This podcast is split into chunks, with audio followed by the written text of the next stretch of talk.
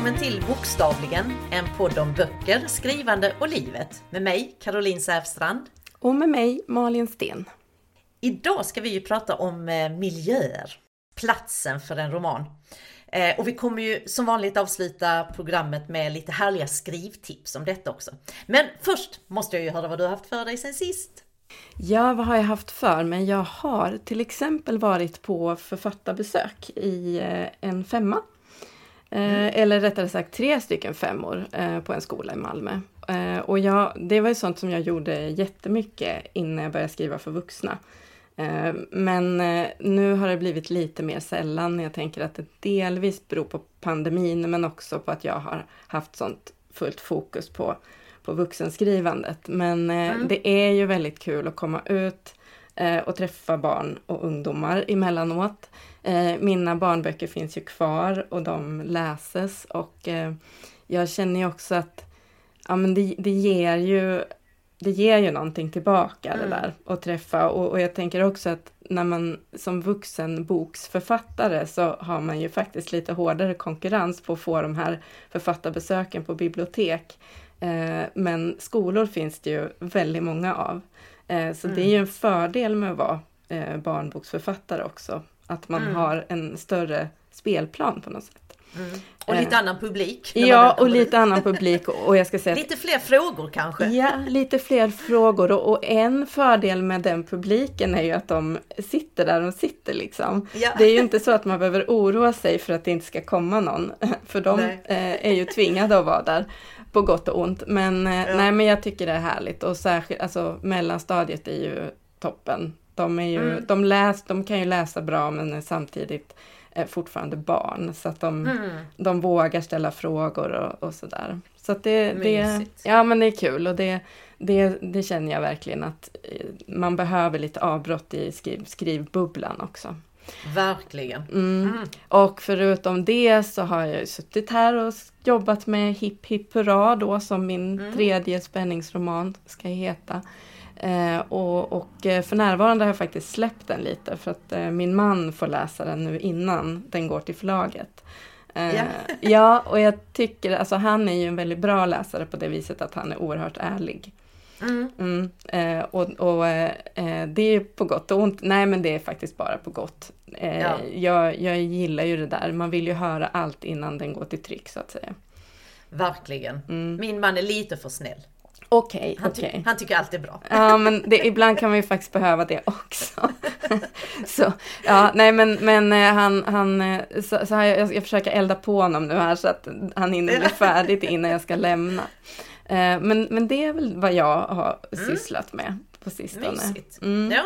ja, jag har ju alltså gjort det jag absolut inte har tid med egentligen. Mm. Jag åkte med yngsta sonen och mannens familj och vänner till Teneriffa en eh, vecka. Eh, men kanske det också faktiskt var så att det var liksom den bästa uppladdningen att både få det här vila hjärnan lite, se lite nya miljöer, tänka på någonting helt annat och sådär. Eh, inte minst nu eftersom jag då precis ska kicka igång ett skrivprojekt som har en väldigt tight deadline. Så jag kommer jobba på ett helt annat sätt än vad jag brukar göra. Jag får berätta lite mer om det sen antagligen. Mm. Um, så, att, men, så det var jätte, alltså det är ju helt underbart. Jätte, jätte, jätteskönt var det. Och vi hade väldigt, väldigt roligt. Sen innan jag åkte iväg till uh, den här semesterresan så uh, skickade jag också in manuset, min sista önskan som kom i maj då ju, eh, mm. till redaktör för första gången. Och det är ju alltid så lite nervöst och spännande när just redaktören läser första gången nu. Eh, jag fick eh, glada utrop på mail efter eh, bara några dagar så då blev man så yes! Ja, underbart! Vi ror detta i hamn! Det är lika skönt varje gång. Ja, ja. Oh, så här, oh, man pustar ut. Ja, verkligen. Sen brukar det väl inte heller in, eller bara för att man får glada utrop så brukar det kanske inte innebära att det inte är någonting att jobba med sen. Det är men, hur mycket som helst ja, att jobba med. Men, men jag tänker att det betyder nog ändå att det inte är några större grejer. Utan ja, att man är på, på rätt spår. Ja, mm. precis. Mm. Mm. Men du, ska ja. vi köra igång med dagens Ja, men avsnitt? Eh, det tycker jag verkligen att vi ska.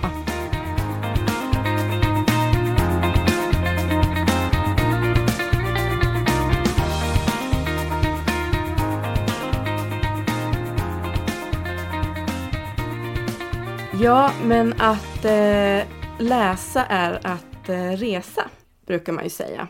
Och det tänker jag är helt sant. Eh, och det blev ju extra tydligt under pandemin, när liksom det enda sättet att förflytta sig var i fantasin egentligen. Eh, och miljön i en roman är ju mer än bara tid och rum. Det handlar ju egentligen om alla våra sinnen, om ljuden och dofterna och smakerna och saker känns och sådär. Eh, och som författare så använder man ju ofta miljön för att på olika sätt förstärka berättelsen och gestalta karaktärerna och försöka förmedla en, en viss känsla. Och jag tänker att ibland så gör man det medvetet och ibland så lyckas man helt omedvetet med det där. Jag som sällan läser feelgood, jag tänker ju att det alltid är mysiga och härliga miljöer som gäller i, i just feelgood. Stämmer det Caroline? Ja, men om man nu pratar om att resa i böcker eh, så kan jag ju säga att man får ju uppleva många härliga platser inom feelgood och eh, en hel del romaner också såklart. Och många som läser just genren feelgood älskar ju att liksom leva sig in i de där just härliga miljöerna. Så är det. Eh, jag har ju själv valt eh, väldigt idylliska miljöer i nordvästra Skåne till alla mina böcker. Men jag tänker lite på dem som en liksom kontrast till de här väldigt kantstötta karaktärerna då som mina böcker handlar om. Eh, och jag gillar ju det här att lite skrapa på den där perfekta ytan, om det då gäller miljö eller människor så att säga. Eh, och jag vill ju att det ska finnas någonting i miljöerna som lite grann bryter av det där väldigt stillsamt vackra så att säga.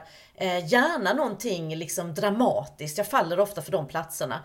Eh, den serien som jag eh, håller på att skriva just nu, den utspelar sig på Ven. Mm. Jag vet inte, har du varit på Ven? Ja, jag har varit på Ven, ja. ja mm. Det är ju en väldigt liksom, ja men det är en pittoresk, eh, härlig, jättefin ö. Men så är den ju också omgiven av sådana här branta ras, backafallen. Och då blir den genast intressant för mig. När mm. du får båda delarna så att säga. Mm. Eh, sen tycker jag det roliga med att liksom låta böckerna utspela sig på riktiga platser. Det är ju för att väldigt många, det kanske är lite typiskt för feelgood-genren också, men väldigt många åker ju till de här platserna som de läser om. Jag får så mycket mail från läsare som har lagt sina semesterveckor på Ven, som har eh, varit på den här vingården som finns i Arild när, när en bok utspelar sig där. Och de skickar bilder och de skickar mail. Och, ja, det är ju faktiskt väldigt, väldigt, väldigt roligt. Eh, mm, jag tycker mm. det är mm. jättekul. Plats, så, alltså för mig är platsen Platsen är superviktig för mina böcker. Men, men när det gäller just att skriva om miljö så försöker jag alltid väva in den i berättelsen så att säga. Mm. Så att det inte blir för långa miljöbeskrivningar. Men, men liksom, miljön är en del av berättelsen på något vis. Ja, och jag, jag tänker att det där, just det här med att väva in, det, det är ju lite så som jag också jobbar. Och mm. jag, jag, tror, eller vet nästan, att, att det har blivit en förändring när man tittar i gamla böcker, eh, äldre litteratur, så skrev man ju ofta på ett helt annat sätt. Man gjorde den här berättande, beskrivande och långa målande. kunde vara flera sidor med miljöbeskrivningar. Eh, och jag märker att jag tröttnar när jag läser sånt. Eh, jag vet inte mm. hur du känner, men, men det känns lite Samma mossigt. Mm, faktiskt. Mm. Och det var ju garanterat mer vanligt förr, för det kan jag säga på gamla favoritböcker som jag har, om jag läser om dem nu, så märker man ju att det är väldigt mycket miljöbeskrivningar som är på ett helt annat sätt än vad vi skriver idag. Mm, mm.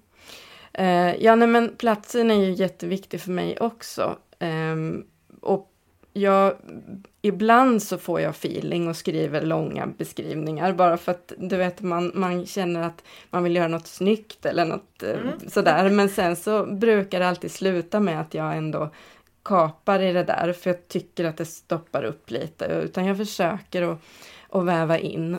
Eh, sen, sen så tycker jag det är lite spännande det här med att liksom, jag brukar tänka miljön lite som att man ser den som genom en kamera, så att man zoomar ut och zoomar in.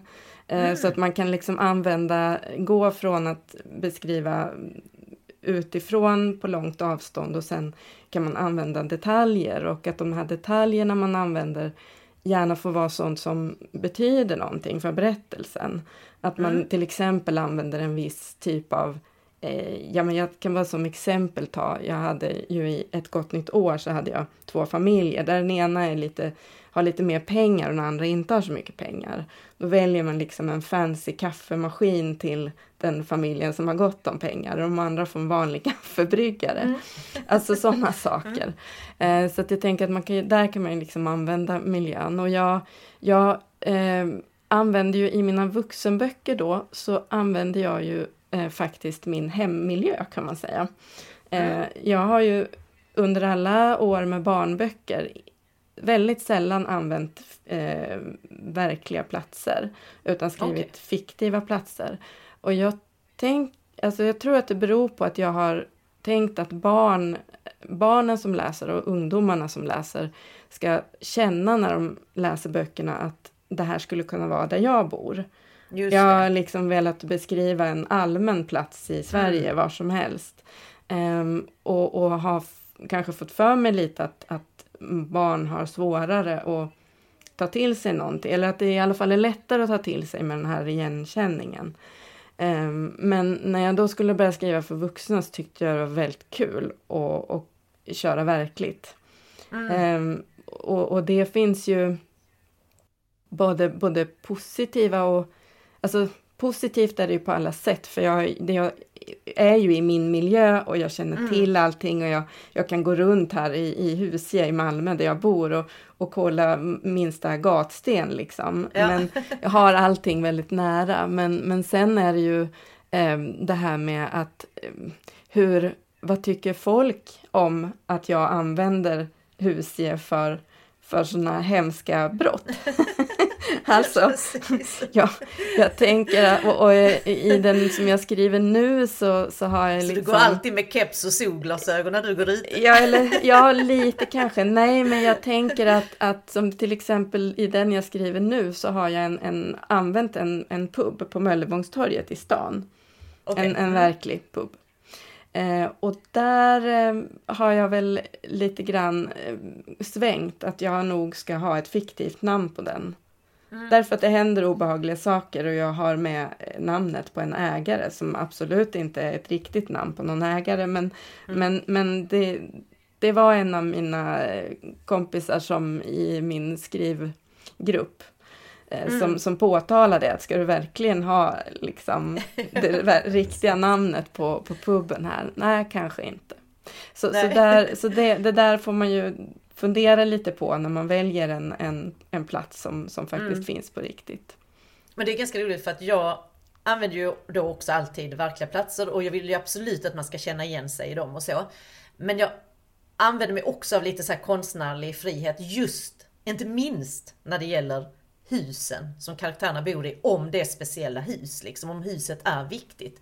Då hittar jag alltid på huset och det är så roligt för när jag är ute på författarbesök så är det så ofta folk kommer fram och säger att de har hittat huset.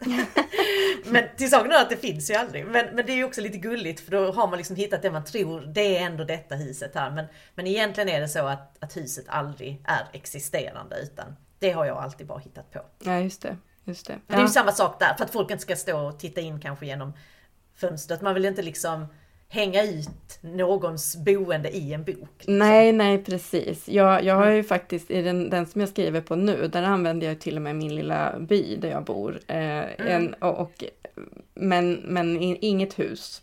Men, men det är inte så svårt att hitta mitt hus då i och för sig om man skulle mm. vilja det. Men, men, eh, men min katt får vara med. Han slinker, ja. han slinker ner i ett dike vid ett tillfälle. Ja. Sådana, sådana små Gulligt. saker är lite roligt. Nej, det är lite kul. Mm. Eh, ja, men, men du, jag tänker på det här nu då när vi pratar, nu har vi pratat om vårt eget skrivande, men, men har du läst någon, några eller någon bok där miljön liksom har fångat dig? Eh, den första bok jag kommer att tänka på när det gäller miljö, det är en bok som heter Himmel eh, över Alaska mm. av eh, Kristin Hanna. Det är en otroligt gripande roman om en flicka som flyttar med sin familj till den här verkligen vackra men livsfarliga vildmarken i Alaska. Alltså de bor typ vid den sista utposten. Och Kristin Hanna då, hon har verkligen alltså verkligen vävt samman naturens förändringar med familjens öde på liksom ett så här jäkla snyggt sätt. Så till en början är livet ändå ganska lätt för den här familjen med liksom det långa ljusa sommarnätter och dagarna rullar ändå på och sådär. Sen när den här farliga mörka kalla vintern kommer då byggs också liksom farorna upp inom familjen och hoten inom familjen och ah, det är en sån stark bok. Mm. Stark bok verkligen. Mm. Sen när jag tänker på miljö, alltså det finns ju hur mycket härlig feelgood som helst som utspelar sig i Cornwall och Italien och Frankrike och sådär. Men när jag verkligen liksom ska tänka så här, en bok som, som liksom gav någonting till mig när det kom just till miljö, då tänker jag på en bok som inte alls är feelgood. Eh, utan också ganska svår och mörk. Mm. Eh, men också en fantastisk bok och det är Stål av Silvia, jag vet inte vad hon, hur man uttalar hennes efternamn, Avalone, mm, någonting mm. sånt.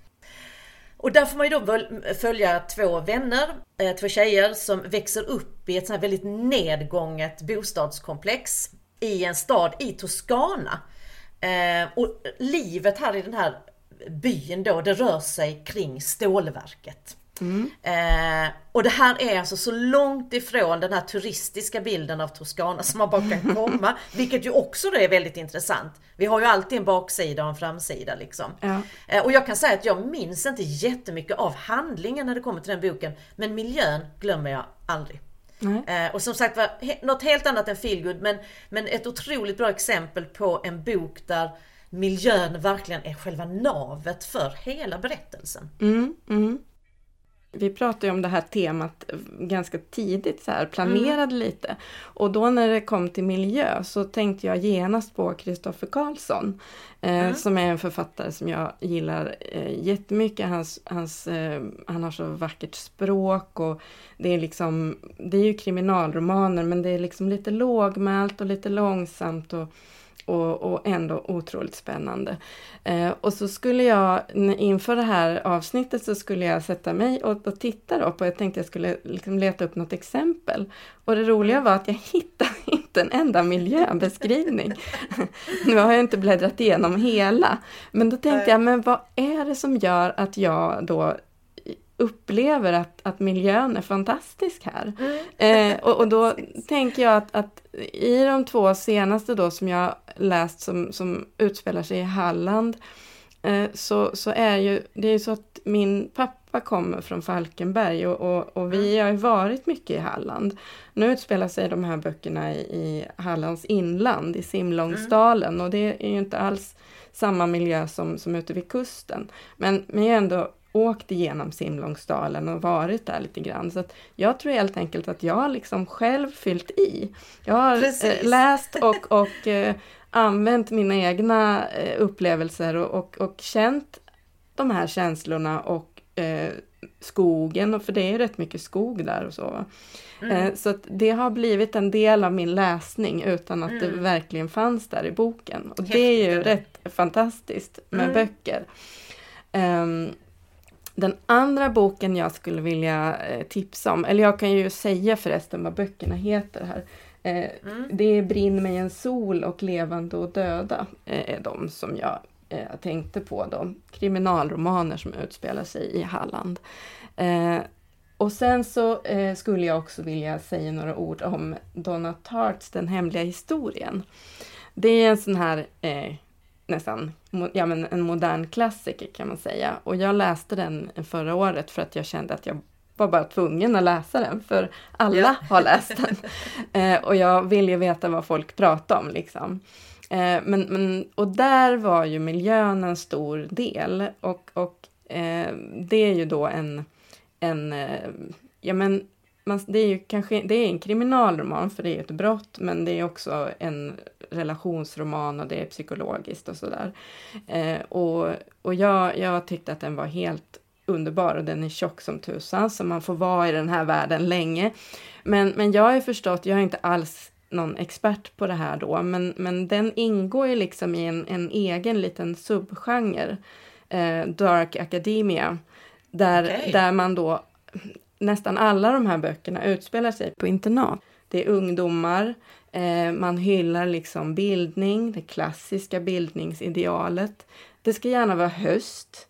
Eh, det, ja men liksom lite den här murriga, mysiga stämningen. De går bland höstlöven och, och ja. reciterar gamla grekerna liksom. Ja. Eh, och jag, jag tänker att jag hade ju älskat den om jag hade läst den när jag gick på gymnasiet för, för eh, då läste jag ju latin och var lite så här, tyckte väl att jag var lite bildad kanske. Du var också där bland höstlöven. Ja, lite så faktiskt. Lite, Tänkte stora tankar. Ja, exakt, romantiker och så. ja. Men, men, nej men så där är ju också en, en, en miljö som, som verkligen sätter sig och, och, och, och det är också mycket, mycket miljö i den. Mm, mm. Eh, så den kan jag också verkligen rekommendera. Och, och, bara som en liten så här extra rekommendation så, så läste jag ganska tätt in på där en, en bok som heter Min mörka Vanessa av Mm. en eh, författare som heter Kate Elizabeth Russell som också är Dark Academia eh, Okej. och eh, ganska jobbig, handlar om övergrepp och sådär men, Mm. men eh, just i den här miljön. Mm. Så det är lite intressant. Intressant. Ja, men intressant att, att det liksom i en hel genre är ungefär samma premisser. Precis, Mm. samma ram liksom. Ja, Mm. precis.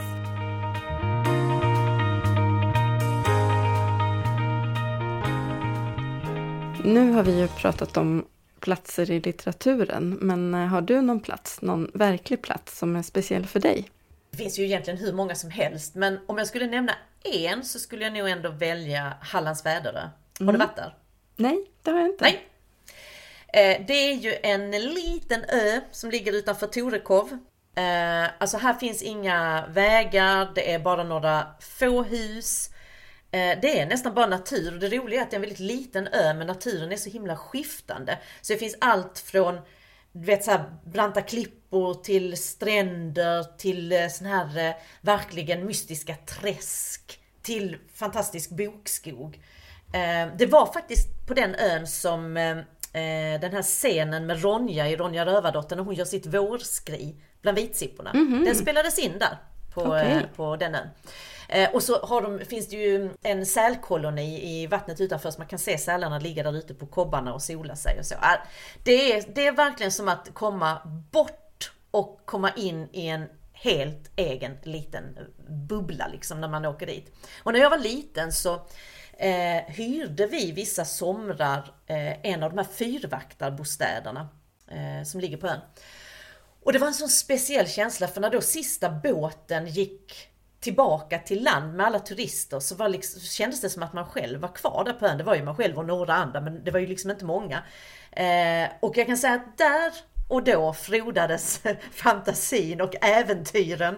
Eh, och det var ju också så att sen eh, blev det så att min första bok utspelar sig just på den platsen och jag tänker att det är kanske inte så konstigt för den, den har en speciell plats eh, i mitt hjärta verkligen. Så att ja, det är en, eh, en favorit. Jag har inte varit där på några år nu så det får nog bli sommarens eh, eh, lilla utflykt. Har får du hänga med? Ja, det får jag göra. Du, äh, hade du en fyrvaktarbostad med där i, i din Ja. bok då? Mm. De bor i eh, en av dem som vi också eh, hyrde.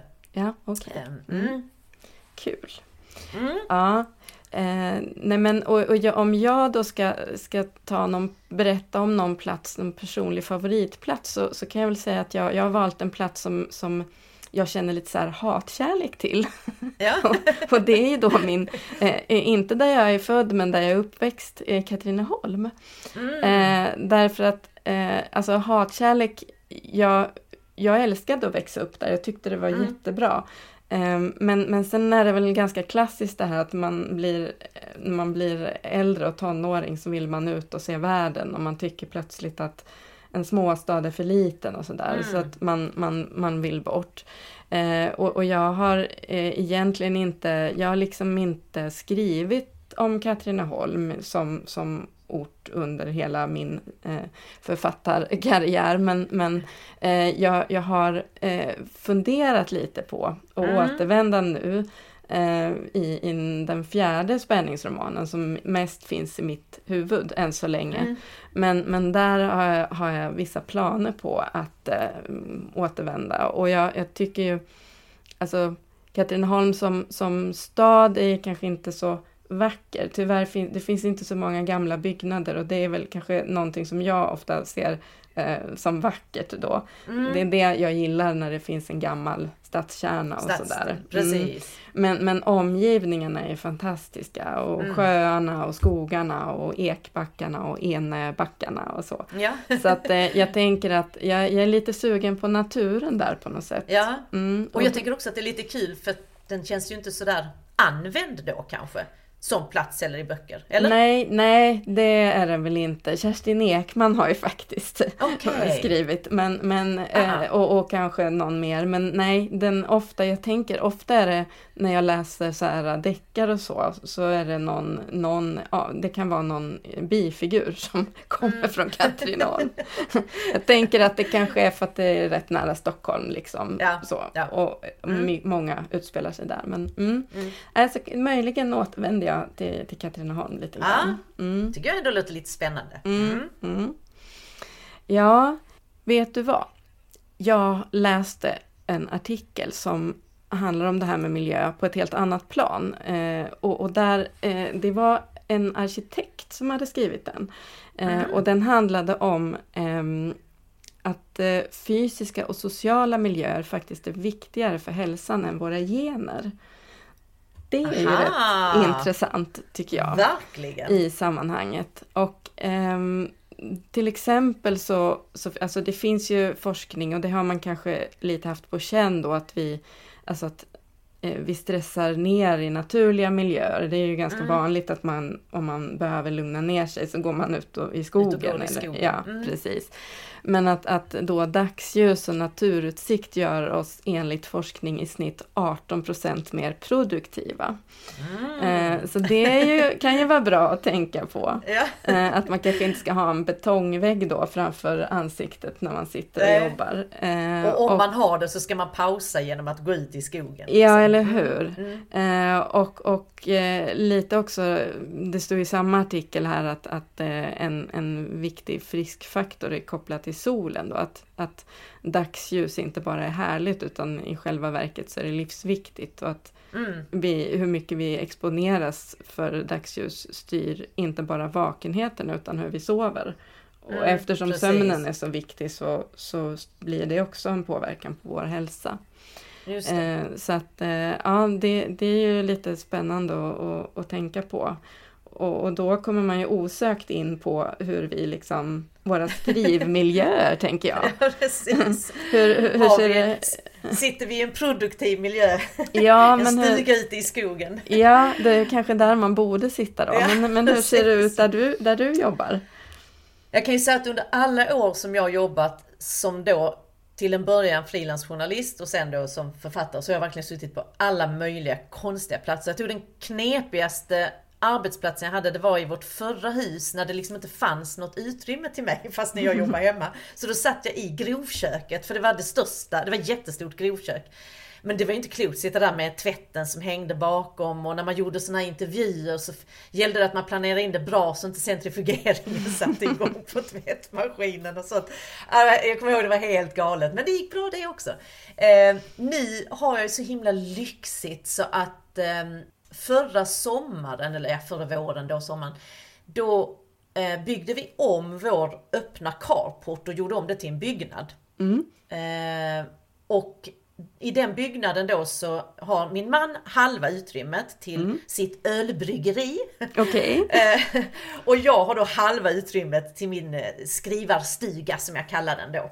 Eh, och det är så roligt nu med det här rummet för då har jag liksom verkligen gått all in när det gäller bara sånt som jag tydligen då älskar. Det är ganska kul när man har ett helt nytt utrymme som man bara kan göra precis vad man vill med. Så jag valde verkligen sån här en liten galen tapet och jag har bara köpt så här, nästan bara köpt möbler och sånt från eh, antika butiker och loppis och sådär. Och det har blivit ett sånt här rum, ja jag har massa så här kreativa härliga grejer. Elgitarren, munspelet, staffliet till målningar. Ja du vet massa sånt. Så jag är liksom omringad av det. Ehm, det är verkligen, det här är mitt favoritrum i huset. Jag älskar att gå in här. Alltså Jag har väldigt svårt att tänka mig att jag skulle kunna flytta härifrån och det är bara på grund av detta rummet. ja. Jag tar med mig rummet eller någon annan får flytta in i huset och jag sitter kvar här inne. Ja, just det, just det. Ja, jag älskar verkligen det. Så att jag, eh, det, ja, så jag måste ju då antagligen vara i en väldigt produktiv eh, liten miljö här då eftersom mm. jag verkligen tycker om det. Sen har jag faktiskt skog, en liten skog bara precis, ja kanske 30 meter ifrån. Mm, så går man bara rakt ut i skogen där. Mm, ja. Så det är perfekt. Här skrivs perfekt. det böcker för fullt. Ja, ja det hör jag ju. Mm. Nej, men jag, jag, har ju. Jag sitter ju också hemma i, i vårt hus och, och från början, alltså i många år så hade jag mitt skrivar eller mitt kontor liksom på andra våningen mitt emellan två sovrum. Mm, det har jag också haft, i, sönernas sovrum. Ja, mm. öppen planlösning, hurra liksom. Mm. Det var hopplöst på något sätt. Jag kände aldrig att jag hade eh, ro riktigt Nej. i själen. Det var som att Nej. även om ingen störde mig så fanns det alltid en möjlighet att någon skulle rusa förbi eller så. Så att eh, när min son flyttade hemifrån, då bara snodde jag hans rum. Ja. Eh, och eh, när han kommer hem nu så får han sova på lite olika platser. Men, men eh, jag, jag, verkligen, jag känner verkligen att jag fick en sån inre frid när jag fick ett rum där jag kan stänga dörren om mig. Och det handlar ju verkligen inte, jag har ju inga, inga barn som bor hemma och två väldigt tysta katter, för det mesta är de i alla fall tysta. Mm. Men, men eh, det är ändå någonting med, med det här med att ha ett eget rum och kunna verkligen. stänga dörren. Eh, för eh, ja, men sinnesfriden lite grann. Och sen så har jag, har jag skrivbordet vid fönstret så att jag får ljuset på mig. Eh, och sen har jag jättenära till mitt strövområde som jag typ besöker varje dag, Husje mosse, där jag går mina varv. Var det där du gick igår? För du skickade sms till mig igår med bild. Ja precis. nej, nej var, då gick jag faktiskt bredvid för att jag går inte där på natten höll jag på Jag nej, går inte där när det är mörkt för det finns inga lampor där. Ehm, men, men annars går jag där ofta och följer naturens skiftningar. Så att eh, det, det är min lilla oas. Eh, där jag också hämtar liksom energi mellan skrivpassen kan man väl säga. Mm. Mm. Då är det bra, vi håller oss till precis det där forskningen säger. Då, ja. precis, mm. precis. Mm. Du, eh, ska vi gå vidare och prata lite grann om eh, hur vi jobbar med miljön konkret i skrivandet?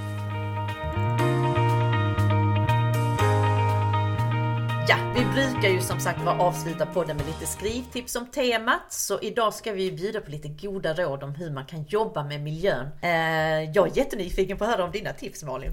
Ja, alltså eh, det här är kanske självklart för många som skriver, men, men någonting som jag ofta tipsar om på skrivkurser eh, det är att använda miljön som eh, lite transportmedel. Mm. Eh, alltså mm. särskilt, det kanske är framförallt tänker jag barn och unga då som skriver, att de glömmer bort att de inte måste skriva varenda minut av en karaktärs liv och leverne. Eh, utan att man, eh, det blir ju lätt, tänker jag, särskilt i början när man skriver och när man är, inte har fått in den, eh, det tänket riktigt, att man vill redovisa allt. Eh, och då brukar jag tipsa om att eh, till exempel eh, vi har en elev som slutar sin skoldag. Eh, istället för att berätta att eh, hen står vid busshållplatsen och sen förklara hur hela bussresan går till eh, och att man då stannar på eh, där den här personen bor så kan man ju klippa liksom där personen i fråga går och ställer sig vid bussen. Och sen tar man ett, ett, nytt stycke och sen så börjar man beskriva eh, platsen där personen nu befinner sig. Eh, med några enkla konkreta, det kan vara en doft, det kan vara en, en växt eller en, en byggnad. Och så mm. förstår man ju att, att personen i fråga har flyttat sig. Eh, mm. Tänk att, att miljö är ju, där är ju miljön ett bra sätt att spola fram snabbt. Mm, mm. Bra tips! Mm. Ett annat tips kan ju vara att eh, att verkligen ge miljön en tydlig roll. Eh, precis som karaktärerna har sina roller. Eh, så att inte miljön bara fungerar som inramning och kuliss. För det tror jag är ett ganska vanligt så här, sätt att jobba med miljön när man är nybörjare. Att, mm. att man tänker på den bara som en kuliss. Men jag tycker man ska tänka på den som, som att den har en tydlig roll i berättelsen. Eh, och låta liksom då miljön interagera på olika sätt med karaktären, förstärka och försvaga känslorna som karaktären har. Locka fram viktiga tankar. Eh, låta liksom miljön ge de här ledtrådarna till gåtor som kanske ska nystas upp i berättelsen. Det tycker jag själv är väldigt roligt. Um, och när det gäller Feelgood till exempel, det är just det där, låt inte miljön bara vara vacker. Låt den vara viktig. Mm. Så kan den vara vacker också, men någonstans måste det ändå finnas en poäng med den. Och den poängen måste vara ha några fler lager än att den bara är fin så att säga. Mm, mm. Så, så, det är bra att liksom ge miljö, eh, alltså arbetet med sin miljö en rejäl liksom, tankeverksamhet, att verkligen jobba med den. Varför har jag just den här miljön? Varför mm. är den viktig i min bok? Det tycker just jag är, är, då blir det bra. Mm, mm. Faktiskt. Mm. Bra tips. Och jag tänker jag kan bara lägga till där lite grann att det är ju, jag, eftersom jag använder eh, jag använder ju inga vackra miljöer. Oftast är det bara vanliga miljöer.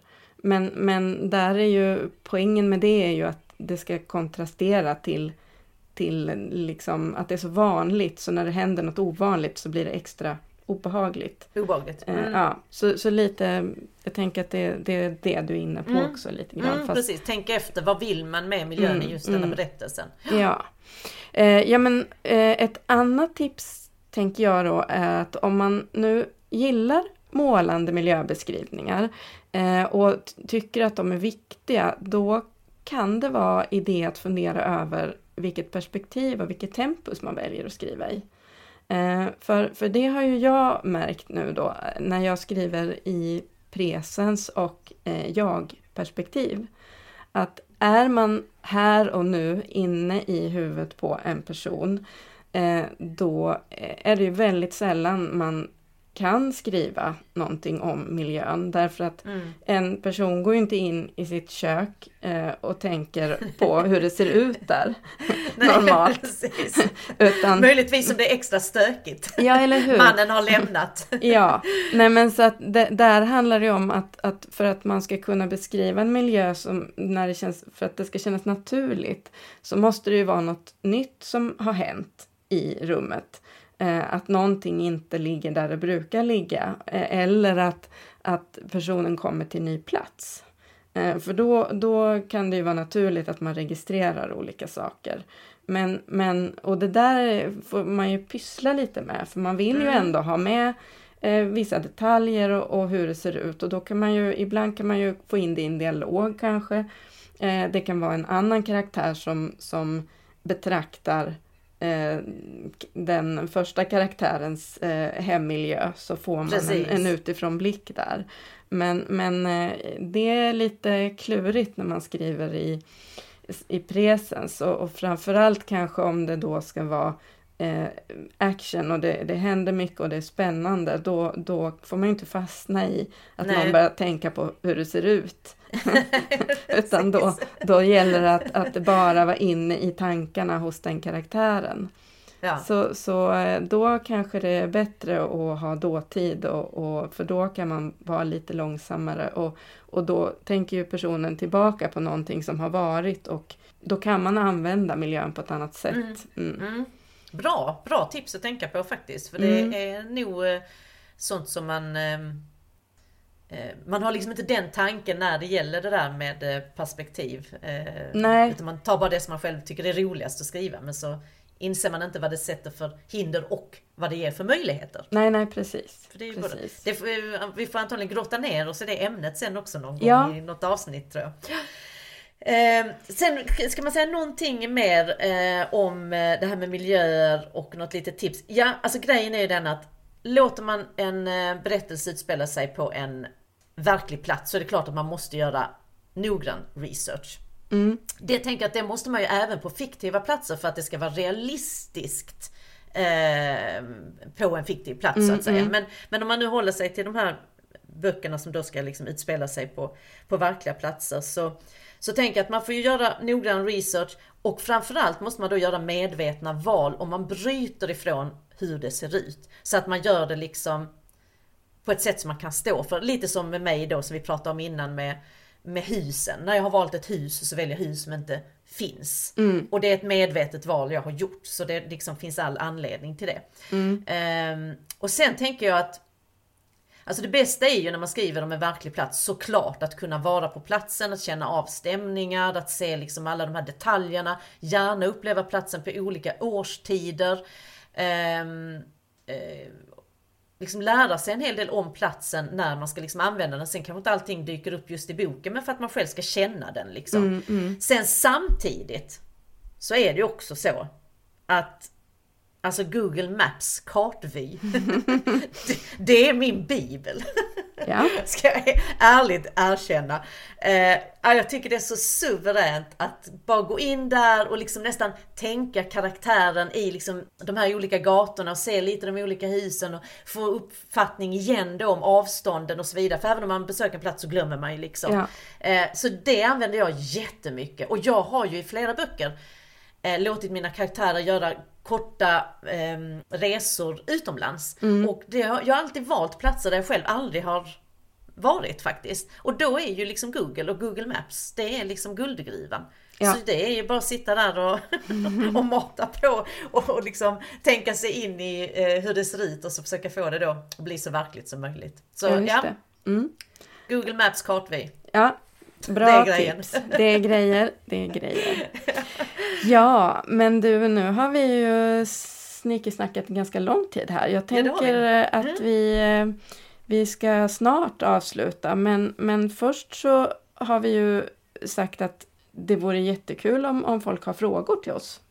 Eller? Verkligen, definitivt. Mm. Eh, så är det någonting, både skrivtips eh, eller eh, frågor om oss eller vad som helst så, Mm. så bara skriv till oss på våra sociala medier. Mm. Eh, Caroline Safstrand är ju min Instagram och din är Malin Sten. Ja, precis. Ja. Så det är inget svårt att hitta. Så Nej. det, och, och då tänker vi väl att då samlar vi ihop när vi får lite en hög med frågor så Ja. kan vi ta upp dem Precis, eh, kul. framöver. Ja. Och Mm. eh, nästa gång, vad ska vi prata om då? Jo, Oh, då ska vi prata om någonting så roligt som vändpunkter. vändpunkter. Ja. Och Eh, det älskar jag ju både i livet och i böcker. Mm. Eh, jag tror att det kan bli riktigt kul. Så eh, det ser Mm. jag verkligen fram emot.